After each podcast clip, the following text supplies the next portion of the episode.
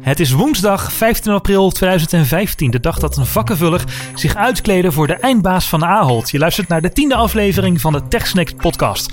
Mijn naam is Raymond Mens en tegenover mij zit Maarten Verwoerkom. Wij gaan in 40 minuten door vier tech-onderwerpen. Welkom!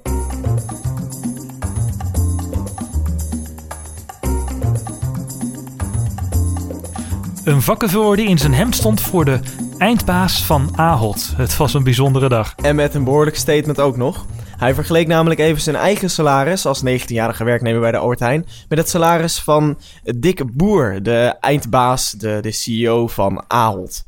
En ehm, zijn uh, uurloon van die meneer de Boer is 1600 euro geweest over 2013. Dat zat Per ongeveer uur, wauw. per uur ongeveer op de 3,5 miljoen in het totaal. En hij vergeleek dat met zijn eigen uurloon van 5,96 euro als eh veelploegmedewerker. Ja, En hij heeft even uitgerekend dat hij 299 jaar fulltime moest werken om hetzelfde salaris te realiseren. Dus of er misschien een salarisverhoging in zat.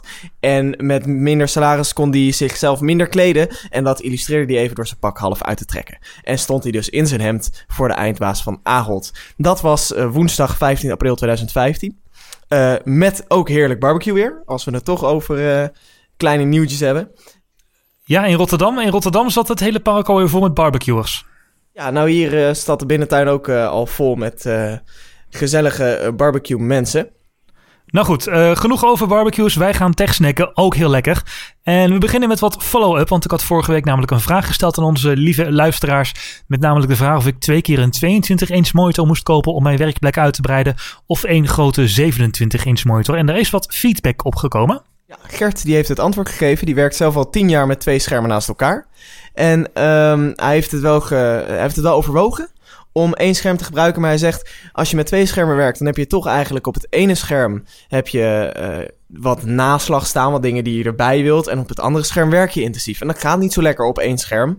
Eh, want op één monitor, dan moet je een hele grote monitor kopen. En dan staat dan weer te dichtbij. En dat is gewoon niet chill werken. Dus zijn advies, koop twee 22-inch monitorschermen. Nou, daar neig ik ook wel een beetje naar, want ik heb nu zo'n 27-inch scherm en ik merk toch dat ik steeds met één venster in de, in de weer blijf. Dus dat is niet zo handig. Dus eh bedankt voor je advies, Gert. En ja, ik ga dus waarschijnlijk voor twee keer een 22-inch monitor naast elkaar. Genoeg over monitoren. Ik ga naar de EU en Google als eerste onderwerp, want Google en de EU die eh, gaan vechtend met elkaar over straat. De EU die heeft Google namelijk officieel aangeklaagd voor misbruik van zijn machtspositie. En het gaat dan specifiek over Google Shopping, de prijsvergelijker die je op Google vindt. En als je naar een product zoekt, dan krijg je meestal meteen de eerste resultaten van Google Shopping. Van hè, deze webshops bieden het aan en hier is het het goedkoopst. En die kun je omhoog kopen natuurlijk. Ook, maar daar ging het niet om. De EU die heeft eh, Google vandaag een brief gestuurd met erin zijn bezwaren. En het bezwaar zou voornamelijk zijn dat Google zijn eigen shopping altijd hoger in de zoekresultaten plaatst. En of ze nu, of ze nu relevanter waren of niet. Oh, ook nog. Ah. Dus al had een andere site een veel betere match, dan ging Google Shopping toch nog hoger in de zoekresultaten. Dat is natuurlijk wel een beetje de tegenstelling die in een bedrijf als Google zit. Omdat ze zo enorm groot zijn op het internet, zijn ze bijna een autoriteit op het gebied van de informatievoorziening op het internet. Maar ze zijn ook gewoon een commercieel bedrijf. Ja, hun eigen producten moeten ook aan de man gebracht worden. En ja, de EU zegt dus, hmm, bij Google Shopping gingen jullie daar echt wel de grens over. En dat deden ze onder andere door eh, de indexering voor een eigen shopping systeem aan te passen. Sites kunnen strafpunten krijgen van Google, waardoor ze lager in de eh, index komen, dus lager in de zoekresultaten. Maar voor Googles eigen shopping systeem gelden die strafpunten niet. Hmm. Dus die kwamen altijd gewoon hoog in de zoekresultaten. En de EU concludeert dat daardoor andere shopping sites en andere prijsvergelijkers minder hard groeiden en eh, belemmerd werden in, hun, eh, in het bereiken van eh, klanten. Maar weet jij dan toevallig, ja, het is een ingewikkelde vraag, hoe Google is gedefinieerd? Want ik kan me voorstellen dat als je bijvoorbeeld, dat je Google in deze zou kunnen vergelijken met bijvoorbeeld de Allerhande van Albert Heijn. Het reclameblaadje. Eh daar staan heel veel recepten in, behoorlijk wat informatie over hoe je eh, nou ja, eten lekker kan bereiden. Wat leuke menukaarten zijn voor je paasontbijt, ik verzin het maar. Eh, maar daar staan Mhm. ook altijd de Albert Heijn producten natuurlijk in bovenaan. Als, als geprezen. Later komen pas de aanmerken als het niet anders kan, zeg maar. Ja, Ehm, het verschil is natuurlijk dat de alle handen van Albert Heijn geen autoriteit en geen monopolie is. En Google is dat best wel. Ja, maar dat is toch de vrije, de vrije markt en het vrije internet waar we het toch over hebben eigenlijk. Nou ja, daar zijn grenzen aan. En eh, de EU zegt nu dat Google dus tegen die grenzen is aangelopen door zijn eigen producten als eh, bedrijf met een monopolie te veel te beoordelen. Dat is tegen de mededingingswetten met de EU. En het zou sinds 2008 aan de gang zijn. En de EU zegt dat het een negatieve impact heeft op de keuze van consumenten en op innovatie. Je nagaan hoeveel invloed een zoekmachine heeft op ehm, de producten die we uiteindelijk in onze kamer hebben staan. Ja, enorm denk ik. Als, ja, als Google anders zou. ehm, dus eh, ik ben wel benieuwd, dat zou je eigenlijk moeten uittesten. Hè? Dat je zegt, nou, we hebben een grijze en een witte telefoon. En we doen de eerste vijf maanden, eh, zetten we de grijze telefoon als eerste. En vervolgens doen we de vijf maanden erop de witte telefoon als eerste zoekresultaat. Of dat ook invloed heeft op het koopgedrag van mensen. Ik denk het wel. Ja, waarschijnlijk wel, want mensen gaan gewoon voor de eerste paar resultaten. En op pagina 2 van Google, ik kom er nooit. Jij wel? Nee, nauwelijks. Nauwelijks. Nou ja, alleen als ik eh, bepaalde artikelen zoek, hè, dus geschreven artikelen. Ehm, maar nee, anders, eh, anders inderdaad niet. Nee, klopt. Nou, als eh, Google dus ehm, schuldig wordt bevonden door de EU, dan krijgen ze een boete van maximaal 10% de jaaromzet. En de jaaromzet van Google in 2014 was 62 miljard euro. Dus het komt op 6,2 miljard euro boete maximaal. En dat is een recordboete. Ja, en eh, dat gaat een record voor een ander techbedrijf. Hè? Die, had een, die had de laatste recordboete van de Europese Commissie. Ja, de, of je er trots op moet zijn, weet ik niet. maar Microsoft die had in 2004 de recordboete van 860 miljard euro. 860 Voor miljoen, het, eh, toch? Ja, Eh, nee, miljoen. 860 Miljoen miljoen inderdaad. euro, voor, ja. het, eh, ja, voor het misbruiken van de machtspositie met Internet Explorer was dat. En het interessante is dat in de VS een ongeveer vergelijkbare zaak heeft gediend. En daar heeft de FTC er uiteindelijk voor gekozen om Google niet te vervolgen. Eh, Google wilde naar eigen zeggen gebruikers alleen een plezier doen. Want als mensen naar een product zoeken, dan wil Google eigenlijk gewoon meteen bam de prijzen op het scherm tonen. En niet weer naar pagina's gaan linken die eh, ook weer prijzen vergelijken. Dus Dat zou, dat zou ik ook zeggen hoor. ja, ik zette mijn eigen product. eh, ja, dat gaf ik aan iedereen. Dat raad ik iedereen aan, want ik wilde mensen gewoon een plezier doen. Dat, ja, kom op. dat is natuurlijk een beetje een lulargument, is het wel. Nou ja, dat is Google's verweer. En Google beweert in een verweer ook dat de groei van andere shopping sites niet is ehm, benadeeld door Google. En ze hebben daar ook wat grafiekjes van gemaakt van kijk, zo hard groeide Booking.com eh, door de jaren. Maar of dat allemaal eh, gegrond is, dat bezwaar, dat moeten we afwachten. Dus de zoekgigant die hangt een boete van maximaal 6,2 miljard euro boven het hoofd. En het is nog niet alles. De EU is nog niet klaar met Google. Oh jee. Want ze gaan ook een onderzoek starten. Nog geen beschuldiging, maar ze gaan een onderzoek starten naar Android. Want Android wordt ook geleverd met allerlei Google apps. En ze gaan onderzoeken of eh, Android ook niet, eh, of Google Android ook niet misbruikt in zijn monopoliepositie en daarmee misschien de keuze op de consumentenmarkt belemmert. En dan moet je bijvoorbeeld denken aan de apps die standaard bij Google geleverd worden of bij Android geleverd worden. Bloatware. Ja, onder andere Google Maps, Google Docs, ja, Google alles. En als fabrikant, als jij één Google app wil leveren, dus je zegt ik wil Google Apps al op mijn telefoon, dan moet je meteen het hele pakket aanbieden. Dus je mag niet zeggen van nou Google doe mij maar alleen Google eh, Maps. Nee, je moet gewoon ook Gmail en Google Calendar en alles erbij. Maar, en correct me if I'm wrong, volgens mij kun je die Google apps wel weer verwijderen vanaf je Android telefoon. Dat klopt. En dat kan bij iOS niet. Dus in die zin is Apple daar eigenlijk veel agressiever en veel slechter in dan Google. Want bij Apple krijg je iOS en daar zit een, ehm, een, een berg apps bij. En ik heb al een mapje met, eh, met de i-rommel eh, van, van de apps die ik echt nooit gebruik. Ik zal eens kijken wat erin zit. Het is echt... eh, dat, dat mapje is ook heel ver weggestopt ergens. nou ja, mensen vragen vaak waarom gaat de EU nu wel achter Google en achter Android aan, maar niet achter Apple? En het antwoord is al simpel. Apple heeft geen monopolie en heeft geen niet zo'n groot marktaandeel als Google. Als Apple een monopolist was op de mobiele markt, dan zou de EU ook echt wel achter Apple aangaan. Want wat die doen, dat kan als monopolist ook niet altijd. Nee, ja, nee, ik vind het... eh, en ik vind het ook storend dat ik bijvoorbeeld als iemand die geen Apple Watch wil... wel een Apple Watch app op mijn iPhone heb. En iemand Ja. die geen aandelen heeft... ik zit met een aandelen app opgescheept. En ik zit met mijn eh, video's app opgescheept. En Ja, ik weet niet of die, of die vergelijking helemaal opgaat. Maar goed, de EU die gaat dus eh, nu onderzoeken of Google op illegale wijze is de formele aanklacht of het formele, de formele onderzoeksvraag de ontwikkeling van andere besturingssystemen, applicaties en diensten gehinderd heeft met zijn eigen apps. Ja, maar ik vind dat wel één op één te vergelijken. Zeker als je die Apple Watch app bekijkt. Ja, ja maar daar- Apple, heeft geen monopolie. Nee, maar Dat die is doet het even, die, dit, bedoel, die doet... Ja, dat weet ik niet. Apple heeft geen monopolie, maar wel een heel groot marktaandeel. En zij sturen... Als je kijkt naar de, de Apple Watch verkopen... eh, die hebben in één keer, de pre-sales... hebben in één keer alle, het hoogste cijfer gehaald... van alle smartwatch verkopen van de afgelopen jaren. Volgens Ja. mij heb ik dat gelezen. Klopt. Dat is toch bizar? Dus zo'n grote markt eh, bedient Apple dus wel op smartwatch gebied. Hè? Laat ik het dan even naar die Apple Watch app terugvoeren. Op, op de smartwatch gebied heeft Apple een heel groot monopolie. Hè? Dat hebben we al gezien uit de eerste cijfers. En op mijn ja, de iPhone... potentie tot het hebben van. Ze hebben de, pot- de Het is verkocht. Dus Ja. er lopen straks evenveel mensen met een Apple Watch... als dat er überhaupt mensen lopen met een smartwatch. Dat Ja. noem ik een monopolie. En dan gaan ze nieuwe klanten, of potentiële klanten... die een Apple, een iOS-product hebben... die gaan ze een app leveren die ze niet kunnen verwijderen... en die je alleen maar kan gebruiken als je die Apple Watch koopt. Daar sturen ze je heel direct... eigenlijk wat Google doet in de eigen zoekresultaat... sturen ze je heel direct naar een product toe. Vind ik even schandalig als wat, eh, wat Google hier doet. Dus Daar, spre- daar spreek je jezelf toch een klein beetje tegen. Want aan het begin van het blok zei je: ja, het is een vrije markt. Moet kunnen. Ja, even kijken hoor, of ik dit goed, hoe ik dit goed ga uitleggen. daar heb ik je, hè? ja, je, je hebt me even... Nee, maar ik bedoel wat anders. Dus ik denk dat ik het dan verkeerd heb gezegd. Ehm, wa- wat ik bij Google bedoel is inderdaad... Dat is hoe Google dus door de Europese Commissie gezien wordt. Is Google een bedrijf? Want een bedrijf mag zijn eigen producten natuurlijk gewoon verkopen. Dat was mijn allerhande eh, eh, analogie ook. Mhm. Ehm, of is Google een autoriteit op het gebied van internet? Dat is dus een andere insteek.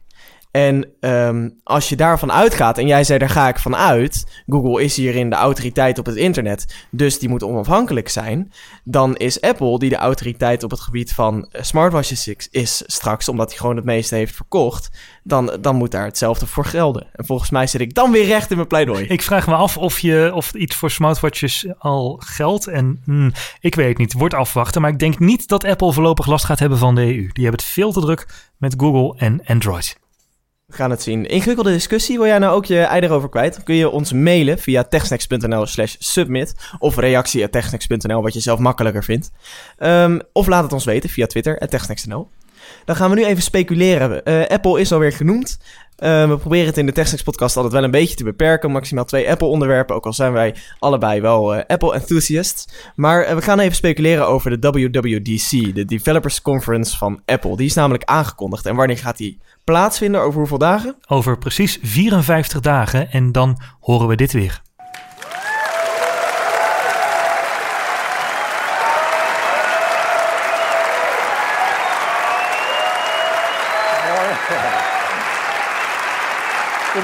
Morning. Good morning. Good morning. Welcome to San Francisco. We're here today and all week to celebrate the developer community and all of the amazing apps that they've created. De bekende Good Morning van Tim Cook. Die zal weer klinken als eerst op maandag 8 juni 2015. Want dan is de WWDC-week officieel van start dus. Amazing, amazing. Wow. It's just profound. Extraordinary. Goed, dat terzijde. Ehm laten we even snel wat, wat eh, services doorlopen. Of wat software en wat hardware wat we gaan verwachten. Eh, we hadden een mailtje in eh, de Tumblr inbox zitten ehm, van Wouter. En die vroeg of wij even het nieuws over Beat Music en de nieuwe muziekapp van Apple kunnen duiden. Nou, dat komt mooi uit, want daar wordt ook nieuws over verwacht tijdens de WWDC. Over eh, de opvolger van eh, iTunes Radio en Beats Music. En het zou dan een soort van combinatie worden tussen iTunes en Beats Music. En eh, nu heeft Apple eergisteren om middernacht een nieuwe beta van iOS 8.4 uitgebracht. En daarin zit een nieuwe muziekapp. En dan zou je zeggen, oh yes, is dat de opvolger van Beats dan? Nee, het is gewoon een vernieuwing van de bestaande muziekapp. En dus niet de opvolging van eh, Beats Music. Wel een mooie nieuwe app, de muziekapp.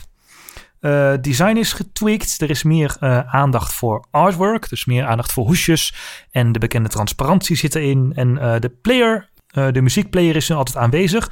Je ziet altijd welk nummer zoekt. En mocht je je nu al af hebben gevraagd van... oh, wat voor incompetente iPhone-gebruiker ben ik. Apple heeft er toch echt wel aan gedacht... om in elk scherm van de muziekapp een zoekvak te doen. Nee, het lag niet aan jou, maar het zit er nu gelukkig wel in. Oké, dus eh, design is vernieuwd. eh, meer artwork. Is het ook eh, wat gebruiksvriendelijker? Ja, het is uh, meer gepersonaliseerd. Het is sneller. Ze hebben ook een functie die al heel lang in uh, de muziekapp van de Mac zit, namelijk Up Next. Dat je een wachtrij kan maken van muziek die daarna komt. Dus dat is echt wel een mooie update. Maar geen spoor van Beats. En we verwachten dus dat die muziekapp nu geüpdate is om later ruimte te maken voor Beats Music. Maar is het raar als ik zeg dat ik het opmerkelijk vind dat bij een uh, punt 4 update, want daarvoor is hij dan gemaakt, dat daar zulke um, nou, toch al behoorlijk grote design veranderingen in zitten. Ja, dat is wel zo. Ook in iOS 8.3 kwamen ineens uh, kwamen heel veel nieuwe taal voor Siri. En in 8.4 komt dan een nieuwe muziekapp. Het lijkt wel alsof Apple haast heeft om dingen voor iOS 9 nog een beetje in iOS te stoppen. Of gaat het misschien te maken hebben met interfaces op de Apple Watch die we gaan zien? En dan sla ik even een bruggetje. Want um, misschien willen ze wel het ontwerp van de iPhone langzaam meer Apple Watch gaan maken. Dat het meer één geheel wordt. Want nu heb je bijvoorbeeld die enorme, um, uh, rare, grote emoji op je Apple Watch. En, uh, maar de Apple Watch is natuurlijk veel contentgerichter. Met, met uh, veel kaartjes en um, veel uh, vlakken. Misschien willen ze dat ook wat meer gaan brengen naar het gehele iOS-platform. Als je kijkt naar die muziek-app, dan zie je dat er echt heel veel ruimte is voor het artwork. Ja, het hoort ook vaak, als je het logo van de WWDC 2015 ziet, dan staan er app-icoontjes die uh, met afgeronde hoekjes zijn en ook rond zijn. En dat is dus wat mensen er dan van denken, uh, dat oh, Apple gaat meer combinaties maken tussen ronde apps en apps met afgeronde hoekjes. Dus dan zal de iPhone wel meer op de Apple Watch gaan lijken. En dat brengt me eigenlijk al meteen bij een van de puntjes van, van mijn wishlist voor iOS 9. Ik vind dat Apple eindelijk eens wat moet gaan doen aan dat homescreen op de iPhone. Want ik vind het nu toch wel een beetje ouderwets worden. Er is namelijk nul live interactie, behalve de kalender-app die verspringt en de klok-app die tikt. Uh, voor de rest is er nul interactie op mijn homescreen. Het is gewoon een saai, statische pagina. En dat vind ik niet meer anno 2015. Dan moet ik eerst het berichtencentrum openen. Um, waar je met die widgets nu al iets meer vrijheid hebt, maar nog steeds niet helemaal. Gebruik je dat veel trouwens, dat berichtencentrum, dat vandaag centrum? Nee, eigenlijk nooit. ik gebruik het alleen om even snel mijn agenda te checken en te kijken welke les uh, vervolgens uh, voor mij op het programma staat als ik uh, op school ben. Want dat staat allemaal in mijn, in mijn agenda, gaat allemaal digitaal door. En omdat ik dat dan kan openen vanaf mijn lockscreen. En dat is iets wat jij in iOS 9, wat ongetwijfeld tijdens WWDC getoond wordt, wel wil zien. Ja, ik wil gewoon een nieuw homescreen waar ik interactieve ja, soort van widgets op mijn homescreen kan zetten. En misschien is dit nog wel heel erg uh, zoals Android of Microsoft eruit ziet, maar dan eigenlijk met, nou ja, uh, de Apple way of design. Mijn grootste wens voor iOS 9 is een donker thema of een nachtthema. Ik heb het nu op de Mac met een appje dat Flux heeft. Hebben we het eindeloos vaak over gehad. En als ik nu in bed lig, dan zet ik mijn iPhone vaak op kleuren omkeren. Dus dat je wit zwart wordt en zwart wordt wit. Dat is wel op zich een aardige oplossing. Maar ik zou liever hebben dat Apple een soort van ja, donkere interface, zoals ze ook in OS 10 hebben gebouwd, die ook naar iOS 9 brengen. Ja, dat zou inderdaad mooi zijn. En dat is mijn wens voor iOS 9. En ja, voor OS 10 heb ik eigenlijk geen wensen. Is wel, is wel af. Nou, dat, dat vind ik nog niet helemaal. Als we het, uh, we hadden het vorige week hadden we een appje in de vorige podcast. Dat was dat window management. Ja. Um, een van de dingen die ik in Windows echt super handig vond, was dat je, je je scherm pakte met je muis. Je venster pakte je met je muis en dat ramde je tegen de zijkant aan. En dan woep, zat het, uh, zat het ernaast. Dat vind ik dat Apple in OS uh, 10 Punt 11 wordt het dan, moeten ze gaan toevoegen. Dat je dus gewoon dat scherm ergens tegenaan ramt en dat het dan vanzelf op een handige manier dat je dat organiseert. Ja, ik denk dat we van iOS en OS 10 niet heel veel spannends moeten verwachten en dat ze zich vooral gaan focussen op stabiliteit, bugfixes en onderhoud. Is ook al een beetje het gerucht hè, dat Apple dit jaar even na al die nieuwe functies even zich gaat richten op uh, stabiliteit, uh, geen vastlopers, uh, sneller maken en dat soort dingen. Wat natuurlijk ruimte laat voor een andere grote Big Bang als aankondiging en volgens mij wordt dat de Apple TV. Ja, hebben we het al vaak over gehad. De Apple TV vorige, uh, nee, twee podcasts geleden volgens mij. Al oh, we hebben er al zoveel, krijg ik helemaal niet maar. Nee, um, de Apple TV als platform voor thuis. Dus um, je volledige tv- en entertainment systeem in de Apple TV. Dat zijn volgens mij de geruchten, als ik dat heel kort uh, in twee zinnen samenvat. Ja, uh, de aankondiging van de WWDC zegt natuurlijk de Epic Center of Change. En mijn gedachte is dan dat Apple dit jaar de Apple TV als het middelpunt van het huis gaat positioneren. Dus met eigen content, met een eigen App Store, met links tussen continuity en handoff en alles wat je hebt. En ook als uh, centraal uh, hub voor HomeKit. Want herinneren we ons HomeKit nog? Daar hebben we lang niks van gehoord. Ja, Wouter tipte ons daar ook even over, die uh, eerder in de podcast al even aanhaalde over Beat Music. Die vroeg ook over HomeKit, wat we er nou eigenlijk van gaan zien. Um, misschien dat we inderdaad tijdens de WWDC wel meer HomeKit toepassingen in combinatie met de Apple TV gaan krijgen. Ja, dus... vorig jaar zei Apple natuurlijk al van nee, HomeKit komt in iOS 8 en ontwikkelaars krijgen een SDK en daar kunnen we nog dit jaar voor gaan ontwikkelen. En toen gebeurde er niks en was er nog steeds geen hardware en nog steeds geen SDK publiek beschikbaar. Dus dit jaar heeft Apple de kans om dat recht te zetten in iOS 9. En dan kunnen ze twee vliegen in één klap slaan door die Apple TV nou even uit de doeken te doen als centrale hub. En HomeKit meteen goed aan te pakken en dan hebben we een grote Big Bang. Ja, en denk bij HomeKit ook even aan de introductie van de NFC-chip die Apple in een razend tempo nu er doorheen jaagt. Want je hebt zometeen een NFC-chip in je iPhone zitten, want straks krijgen we de tweede generatie iPhones met NFC-chips eind dit jaar. Tenminste, ik neem aan dat ze er niet meer uitslopen met Apple Pay. Nee, dat gaat wel goed. en de Apple Watch heeft een NFC-chip. En wie weet dat Apple misschien wel een bruggetje slaat naar andere platformen voor HomeKit. Je weet het niet. Misschien dat je straks met je, um, met je Android-telefoon toch nog binnen dat HomeKit systeem kan werken. Als je bijvoorbeeld ook een iPad hebt of een Apple TV hebt. Ja, ze hebben het vaker gedaan. Hè? Net als met de Touch ID. Dat was eerst alleen om het ontgrendelen van je iPhone en het kopen van appjes. Maar in iOS 8 zeiden ze, nee, andere apps kunnen er ook gebruik van gaan maken. Ja, ja dus, dus dat kunnen ze met NFC ook doen. Met NFC inderdaad, want die is volgens mij nog helemaal gesloten, toch? Voor, Ja, eh, alleen Apple Pay. Het is wel een echte, echte NFC-chip, maar alleen Apple Pay mag erbij. Het lijkt me zo ideaal als ik daar bijvoorbeeld mijn OV-chipkaart of mijn, uh, en mijn bankpas op kan zetten. Dat lijkt me echt perfect. Nou, de, de Apple TV als het epicentrum der verandering. Over 54 dagen weten we het. Ja, en dat, die, die mag ik nog even toevoegen aan mijn wishlist voor iOS 9. Ik wil dat die NFC-chip open gaat. En dat ik daar mijn bankpas oh, en mijn, uh, mijn OV-chipkaart op kan zetten.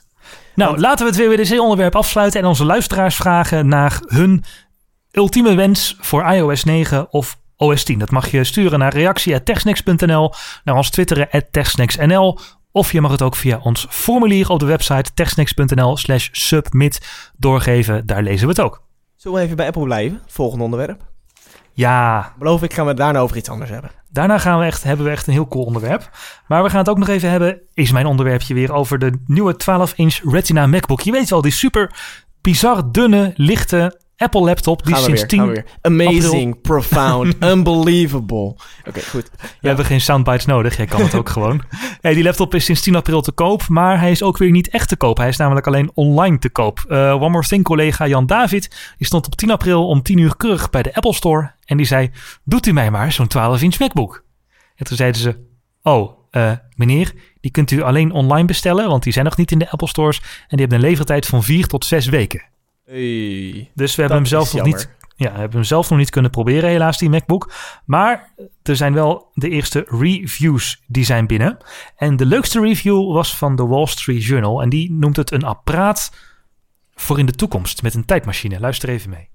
You won't find it in Apple's claims or marketing videos, but its new MacBook is a time machine. You see, by looking directly at it, it teleports you into the future. Of the laptop. Where's Doc Brown? And all those flying cars? Anyway, as I was saying, with its new MacBook, Apple has imagined that laptops will be reduced to just a thin screen, a keyboard, and a magical piece of touch sensitive glass. Oh, and just one port, because in the future, nearly everything is wireless. The problem? We're not living in the future yet. I mean, do you see anybody else here? The MacBook has so much of what I want in the laptop of the future the right screen and trackpad in a stunning portable design. As more companies adopt USB Type C, I'll get over that gripe, but I'm still gonna want more speed and battery life. That means I'm really happy in the present and with my more affordable MacBook Air. I'll come back here eventually. There just better not be any $80 dongles when I get here. Joanna Stern voor de Wall Street Journal. Een dame die qua reviews tegenwoordig echt heel goed doet. Ze maakt hele leuke reviews. En ja, al haar punten komen eigenlijk ook terug in andere reviews. Want ook TechCrunch, iMore en de gebruikelijke grote websites zoals The Verge, The Loop, CNET, Ars Technica... die hebben allemaal reviews van de nieuwe MacBook gepost. En daarin valt eigenlijk positief op het design. Het scherm is prachtig. Retina resolutie 236 pixels per inch met 2304 bij 1400 pixels. En uh, ja, dat is allemaal prachtig. De prestaties die zijn ook niets bijzonders, maar wel oké. Uh, natuurlijk zijn er benchmarks um, gedraaid. En qua benchmarks blijkt dat de MacBook gewoon in staat is om 4K-video van YouTube af te spelen. En uh, een Photoshop gebruiken kan ook nog wel. Maar je moet waarschijnlijk dan wel iets langer wachten. Nou, qua prestaties is de, is de MacBook vergelijkbaar met de MacBook Air uit 2011. En de grafische chip die komt overeen met de MacBook Air uit 2012. En de SSD die is ongeveer even snel als die in de MacBook Air 2013. Maar het is natuurlijk niet allemaal helemaal geweldig. Want de Achilleshiel is toch wel de één USB-C-poort. En ook de accuduur is nog niet zoals die eigenlijk zou moeten zijn. Ja, dit is eigenlijk het product wat hangt op uh, die grens van vinden we dit al handig en kan dit al de nieuwe standaard worden of is Apple te vroeg? Dat is eigenlijk hoe je het. Uh, ik vind het wel een ander signaal dan wat je kan oppikken uit de Apple Watch reviews, waar iedereen zei van het is een tof product, maar het is eigenlijk net niet genoeg. Um, ja, en dit is meer van het is te vroeg. Is meer, er, er zit enorm veel potentie in het apparaat. Um, ze hebben, zijn alleen wat te vroeg geweest. Ik denk dat dat ook een reden is waarom Apple er vrij oude hardware in heeft gestopt in 2011, 2012. Um, dat, dit, dat dit apparaat niet meer kon trekken, omdat het eigenlijk zo innovatief is dat we er nog niet aan toe zijn. Ja, het dus... is klein en ja, de accu is ook er is weinig ruimte en het uh, moederbocht is heel klein. Dus ja, ze gebruiken een nieuwe energiezuinige hardware die ook geen koeling nodig heeft. En ja, dat zie je nou eenmaal in de prestaties ja, het is een gewaagde stap, laat ik dat zo zeggen. En dat is wel waar iedereen op zat te wachten. Dus ik vind dat ook wel grappig. Dan gaan nu heel veel mensen daar heel kritisch over zijn. Van ja, maar het is, het is niet goed genoeg en zo. En het is allemaal niet zo heel erg bijzonder. En, maar daarvoor waren het dezelfde mensen die zeiden... ja, Apple komt nooit iets met iets, iets nieuws. Nooit iets met iets innovatiefs. En ik denk dat dit wel iets is van ja, we, we gaan nu iets nieuws proberen. Maar nieuw, dat doen we dan wel echt nieuw. En dat is wel tricky. Dan moet je kijken hoe dat gaat uitpakken. En ik ben heel benieuwd wat de verkoopcijfers hiervan gaan worden. En wat de eerste persoonlijke ervaringen zijn van de mensen hier in Nederland. Ja, het is dus inderdaad een soort van blauwdruk voor de toekomst. Dit is de toekomst van de laptop. Maar zijn we al klaar voor die toekomst van de laptop met één USB-C-poort en adapters? Nou, waarschijnlijk wijst dat erop dat het nog niet. Nou, is het, is dit, ga je even onderbreken? Is dit de toekomst van de laptop of is dit de toekomst van de laptop en tablet? Ja, het is waarschijnlijk meer een combinatie van de uh, toekomst van de laptop en de tablet. Want ook iFixit heeft de MacBook in handen gehad. Hey, en dan vinden wij techgeeks het altijd heel erg leuk. Want iFixit maakt alles open en die bekijkt ook de binnenkant. Nou, ding krijgt een repairability score van 1 op schaal van 10. Niet te doen. Begin er maar niet aan. Alles is, alles is aan elkaar gesoldeerd en elkaar gelijmd en bij elkaar gepropt. Maar dat komt omdat het ding meer een, eigenlijk meer op een iPad lijkt dan een MacBook van binnen dan. Bijvoorbeeld de connector van de accu. Dat is bijna net zoiets als die in de iPad zit. Die zit namelijk direct op het Logic board. En uh, dat Logic board is ook super klein. Oké. Okay. Het is uh, veel kleiner dan een normale MacBook. Het zou ook gewoon in een iPad passen, eventueel, hmm. Logic Board. Maar hè, qua hardwareontwerp lijkt het heel erg op de iPad. En we hebben ook natuurlijk het, nog het nieuwe trackpad. Dat is force click en dus drukgevoelig. Dus het kan uh, detecteren hoe hard je ermee op je vinger, uh, hoe hard je met je vinger op het scherm drukt. En er zit een trillsensor in die je vinger een beetje voor de gek houdt. Uh, waardoor het toch lijkt alsof je klikt terwijl het trackpad niet beweegt. Maar dat wist je al. Maar het meest bizarre is dat de trackpad eigenlijk een klein touchscreen is. Dus het is gewoon alsof je op een soort van iPadje werkt, alleen dan zonder scherm eronder. Ja, uh, iFixit heeft hem natuurlijk helemaal uit elkaar gehaald, die uh, laptop. En ze vonden uh, wat het trackpad aanstuurde was een touchscreen controller. Oké, okay. bijzonder. Dus eigenlijk, is, ja, dus eigenlijk is, heeft Apple al een drukgevolg touchscreen gemaakt, maar het dan gewoon vermomd als trackpad. Dat is ook logisch, want de Apple Watch heeft natuurlijk ook een drukgevoelig scherm. En dat is wel een echt touchscreen, toch? Ja, klopt. Ja. Dus uh, ja, het ding is eigenlijk dus meer een iPad dan een touchscreen. En zelfs als je het ding oplaadt, dan hoor je het iOS-oplaadgeluidje. Uh, dit dus. De bekende chime. Dus het, ja, het is half iPad, half MacBook. En zeker ook die touchscreen controller. Die is wel heel erg interessant. Ja, dus een kleine identiteitscrisis zit er wel in. Ja, een MacBook met een identiteitscrisis, maar wel een mooi ding, naar mijn mening. Geen privacy voor deze MacBook. Hij is dus helemaal uit elkaar gesleuteld. Helemaal. En dit was een heel mooi bruggetje naar het privacy-onderwerp. Want dat is het laatste onderwerp, uh, de laatste techsnack van deze podcast. Um, want het is er, de, de, de privacywereld en de cybersecurity-wereld uh, staat in Nederland uh, is in rep en roer. Want we gaan allemaal mensen ontvangen komende week. Er is een, een cybertop. Er komen hier 1200 tot 1500 ministers, ambassadeurs, vertegenwoordigers van bedrijfsleven als Facebook, Microsoft, organisaties, Bits of Freedom, internationale organen als Europol en Interpol en de WHO komen allemaal, of de Wereldhandelsorganisatie ik zit veel te veel in de gezondheidszorg, Wereldhandelsorganisatie, de World Health Organization, die komen allemaal naar Den Haag voor de Global Conference on Cyberspace 2015. Ehm, ze gaan er overleggen over een vrij, open en veilig internet. Nou, dat klinkt super tof natuurlijk. Maar er zijn wel wat haken en ogen. Ehm, als je kijkt naar de intentie van deze um, cybertop, zoals, we hem, zoals die wordt genoemd in de media, en de mensen die daarbij zijn, dan zijn er enorm veel belangen. bijvoorbeeld economische belangen, want Facebook en Google zullen aanwezig zijn. Uh, en Microsoft, en die hebben natuurlijk heel veel economisch belang. Denk nou, aan het conflict waar we het eerder over hadden. Um, maar um, er zullen ook uh, heel veel overheden en ambassadeurs zijn. En over de wereld is het beeld wat men van internet heeft en wat we daarmee willen, is natuurlijk heel erg verschillend. Maar volgens mij willen we toch een, een zoals ze dat in de politiek altijd zeggen in Den Haag, een goede publiek-private samenwerking. Dat willen we. Ja, dat, dat willen we hier heel graag. Maar um, er zijn over de hele wereld mensen die heel anders over internet denken. Als je bijvoorbeeld op China, in China op internet zit, of als je in Korea op internet zit, dan uh, is het de bedoeling dat de overheid er super veel controle op heeft. Als je in Turkije wilt twitteren, dan mag dat niet. Mm -hmm, klopt, dat ja. Is toch zo? Ja, dat is geblokkeerd. Nu, uh, is geblokkeerd. Dus dat, dat zijn allemaal dingen. En in Europa zeggen we nee, internet is vrij en dat mag dus iedereen op doen. Nou ja, blijkbaar dus niet als je Google heet en je je eigen spullen wil verkopen. Maar um, eigenlijk willen we gewoon in Europa vrij. In Amerika, die zegt ook we willen vrij, maar we willen wel onze inlichtingendienst overal tussen hebben. Dus er zijn heel veel belangen. En uh, om dat te illustreren, zelfs op de producten die op internet zijn. Um, bijvoorbeeld in Rusland Siri. Ik weet niet, uh, nou, jij hebt er een stukje over geschreven op OMT. Ja. Uh, Siri was even homofoob in Rusland.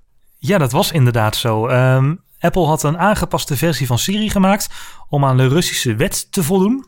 En uh, die uh, ontkende ongeveer het bestaan van homofilie en wilde absoluut niks zeggen over homobars in de buurt of het homohuwelijk. Maar hoe, hoe hangt dat dan samen met privacy en een cybertop? Ja, wat, wat ik al zei is dat dus daar de overheid zelfs uh, invloed heeft op de, het internetproduct, namelijk Siri. Dat is weer internet gebaseerd en ja. um, dat staat allemaal op servers ergens. Dus um, er zijn zoveel, terwijl we in Nederland zeggen van nee, je mag eigenlijk alles op het internet behalve illegaal downloaden. Daar zit dan weer brein tussen en dan wordt weer een website platgelegd. Zo heeft iedere um, uh, etnie aan die, aan die cybertop. Hè, dat, dat, dat is zo'n grote groep mensen. Die hebben allemaal zo hun eigen perspectief daarop dat er eigenlijk niet zo heel erg veel van verwacht wordt. Maar het is allemaal heel spannend. En de grootste kritische noot is eigenlijk uh, waarom het in Den Haag gehouden wordt. Want Den Haag wil zichzelf erg graag profileren als het uh, security uh, enclave, de, de, de security stad van de wereld. En, um, maar het blijkt dat hun ICT echt zo lekker als een mandje is. Ja, dus, de Nederlandse overheid die een top houdt over de cybertop en security ja, als je weet hoe het soms af en toe in Nederland gaat, dan denk ik ook wel, oeh. Ja, nee, dat is, uh, dat is dramatisch. En um, nou goed, als we het dan toch over privacy hebben, dan, uh, en misschien is dat wel een suggestie voor de gemeente uh, Den Haag, is de Blackphone, die komt naar Nederland. Oh, daar was vandaag groot nieuws over, hè? Ja, dan maak ik even een, een overstapje naar de Blackphone. Want de Blackphone is een telefoon en die is voor de business is die gemaakt. En um, die garandeert privacy. En die garandeert veiligheid. En je, je wordt bijna een beetje bang als je die website, um, als je die website bekijkt. Want daar staan teksten op als ze beschermt uw huidige smartphone wel uw familie? Beschermt hij wel uw bedrijf? Of uw geheimen? Dat, dat soort teksten staan erop. Maar goed, de, core business van, van die telefoon van dat bedrijf is dus privacy. En de Blackphone is een, uh, nou, een goede smartphone. Uh, ze willen hem graag high-end inzetten. Uh, 4,7 inch uh, LCD, 1280 bij 720, een Nvidia Tegra 4i processor met een 4G mogelijkheid. En KPN gaat hem in Nederland verkopen. Wilden ze vorig jaar al, gaat nu pas lukken. En um, nou, de, de Blackphone heeft een eigen firmware. Die dus privacy garandeert. Private OS heet het ook. Daar is geen bloatware op. Uh, geen links met carriers. Dus er zijn helemaal geen relaties daarmee. En ook geen, geen data die gelekt wordt ergens naartoe of op een server belandt. Of, en waarschijnlijk flinke encryptie. Ja, flinke encryptie. En ze hebben hun eigen eh, Silent Store, zo heet dat dan, met, met allemaal silent apps en silent spaces.